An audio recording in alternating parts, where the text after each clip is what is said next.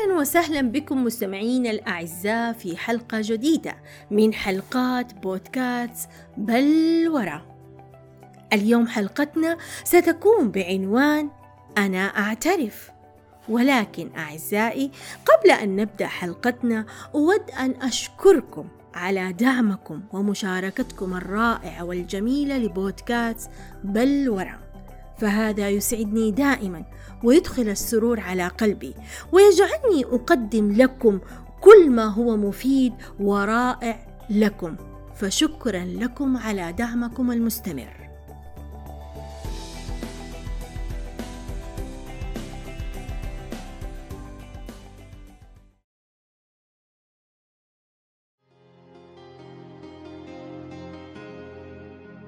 ارتكاب الأخطاء ليست نهاية العالم لأن حياتنا تتأرجح دائما بين الصواب والخطأ.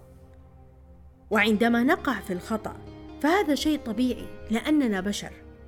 ولكن هل من الممكن أن نرفض الاعتراف بالخطأ؟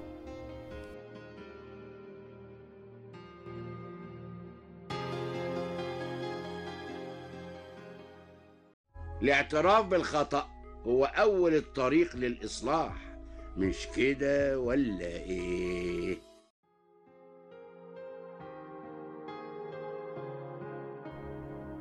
أتعلم أن البعض يعتقد أن الاعتراف بالخطأ حالة من الضعف وأنه بهذا الاعتراف يظهر نقاط الضعف التي يمتلكها في شخصيته على الرغم من أن حالة الاعتراف بالخطأ لا يمتلكها إلا إنسان شجاع يثق بنفسه جيدا ويعرف جيدا متى أخطأ وكيف أخطأ. ويستطيع أن يستفيد من هذا الخطأ في صناعة المستقبل لذلك قال الشيخ محمد الغزالي رحمه الله ما يثير الحسرة هو رفض دراسة الأخطاء التي تورط فيها بعضنا. وألحقت بنا من جرائها خسائر فادحة. فالاعتراف بالخطأ ليس دليلا لفشل أو لضعف. كي نخجل منه. فيكفي أن نعلم أن مجرد الاعتراف نحن نترجم هذا الاعتراف إلى شعور والعمل على أساسه. فنحتاج إلى قوة محركة تجبر الذات على الثقة. ولا يكون ذلك إلا لدى إنسان شجاع.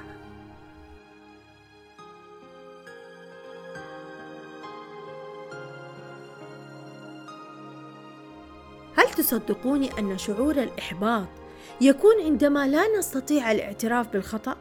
حتى لو كان هذا الخطأ بسيط؟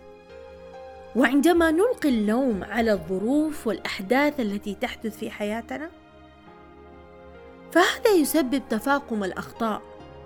فكلما أسرعنا بالاعتراف بالخطأ كلما انتهينا من هذه المشكلة في أقصر وقت. وعندها نتمكن من البدء من جديد والمضي قدما في هذه الحياة. أنا أعترف أنه من الأمور الصعبة جدا الاعتراف بالخطأ. ولكن لتسهيل عملية الاعتراف بالخطأ علينا أن نطرح على أنفسنا بعضا من الأسئلة. التي تساعدنا في عملية الاعتراف.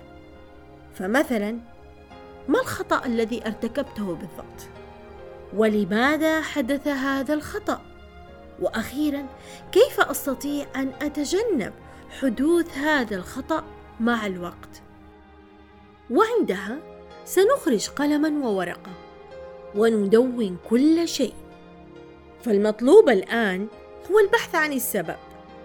والإجابة عن الأسئلة. وكتابة هذه الإجابة في الورقة.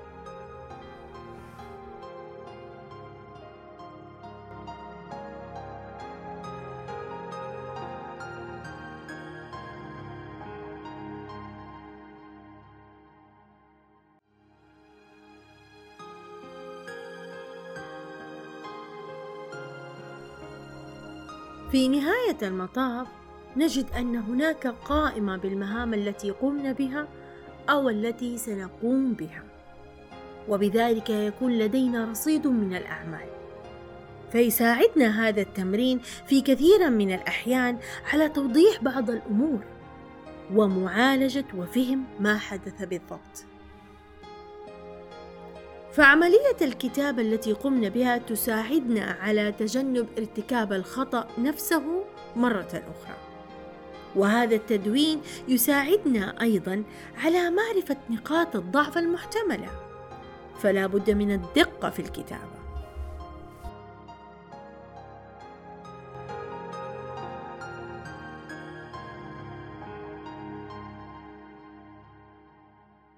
ليش ما تعترف بخطأك؟ ليش تعاند؟ ليش تم مصر على أنك ما تعترف بالخطأ؟ الواقع يا جماعة الخير المشكلة مو في الاعتراف بالخطأ المشكلة عند بعض الناس شو بيسوي بعد ما يعترف إنه غلطان؟ هو يخاف يعترف إنه غلطان فالناس تلومه يخاف يعترف إنه غلطان فيطلع ضعيف. يخاف يعترف إنه هو غلطان فما يعرف يتصرف والناس ينقدونه على الشيء اللي يسويه. فخوفه من اعترافه بالخطأ هو الإشكالية. خوفه بعد ما يعترف إنه غلطان. مو بكل الناس عنده عناد عشان كذي ما يبي يعترف بغلطه. بعض الناس عنده ضعف ثقة بنفسه. فلو اعترف بالخطأ ماله الناس بتلومه فبيطلع هو غلطان فبيطلع هو ضعيف. فإذا أنت عندك نوع من العناد وعدم الاعتراف بالخطأ اعرف شو السبب. سببه غالبا إنك أنت خايف من ما بعد الاعتراف بالخطأ. مو بخايف من الاعتراف بالخطأ في حد ذاته.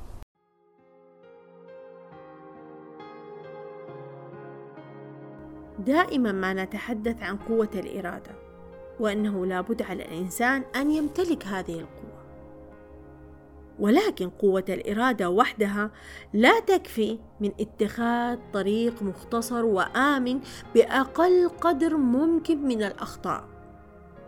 فالوصول إلى أحلامنا في المستقبل يحتاج منا أن نتأكد بأننا وضعنا خطة مبنية على ما تعلمناه من أخطائنا. في هذه الحالة من الصعب جدا الوقوع في نفس الخطأ، لأن إذا وقعنا مرة أخرى في نفس الخطأ سيؤدي إلى كارثة عظمى.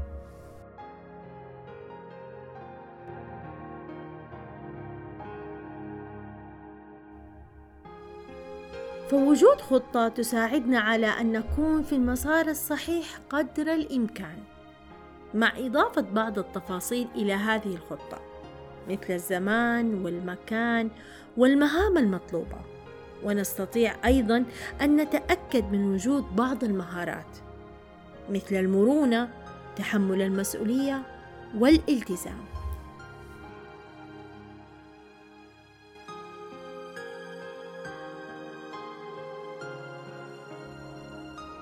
في هذا الوضع سأؤكد لكم مستمعين الكرام أننا سننجح في الوصول إلى أحلامنا لأن الفكرة ليست في جلد الذات والقسوة على أنفسنا بسبب الأخطاء التي ارتكبناها بل الفكرة في العمل على أن نكون مرنين وقادرين على التكيف. فكل الأخطاء التي ارتكبناها تكون بالنسبة لنا ما هي إلا فرصة للتعلم ومعرفة المزيد.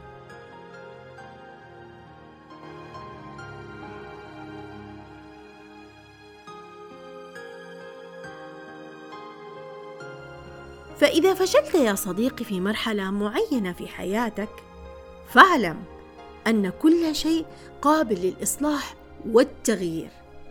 إن وجدت الإرادة والعزيمة والصبر والسعي للنهوض مرة أخرى.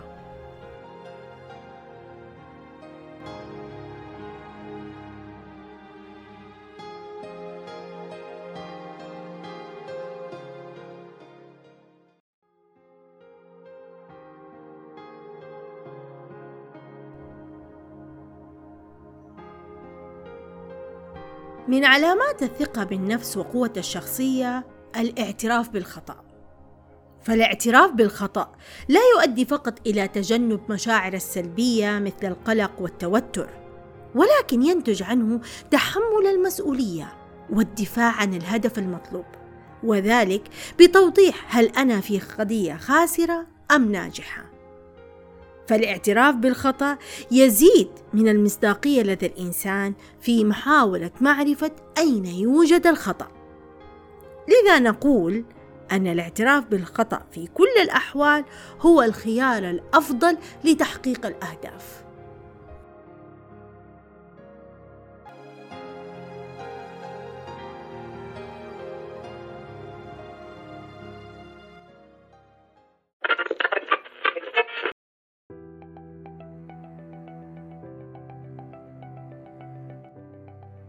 مستمعين بودكاست بلورة الأعزاء.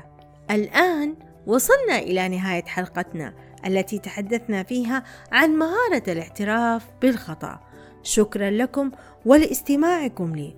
وأرجو منكم أن تفعلوا خانة الاشتراك في القناة ليصلكم كل جديد. وأيضا أن تشاركوا الحلقة مع أصدقائكم وأحبائكم لتعم الفائدة. كان معكم مقدمة بودكاست بلورة المدربة رانيا سابق. إلى اللقاء في حلقة جديدة. مع السلامة.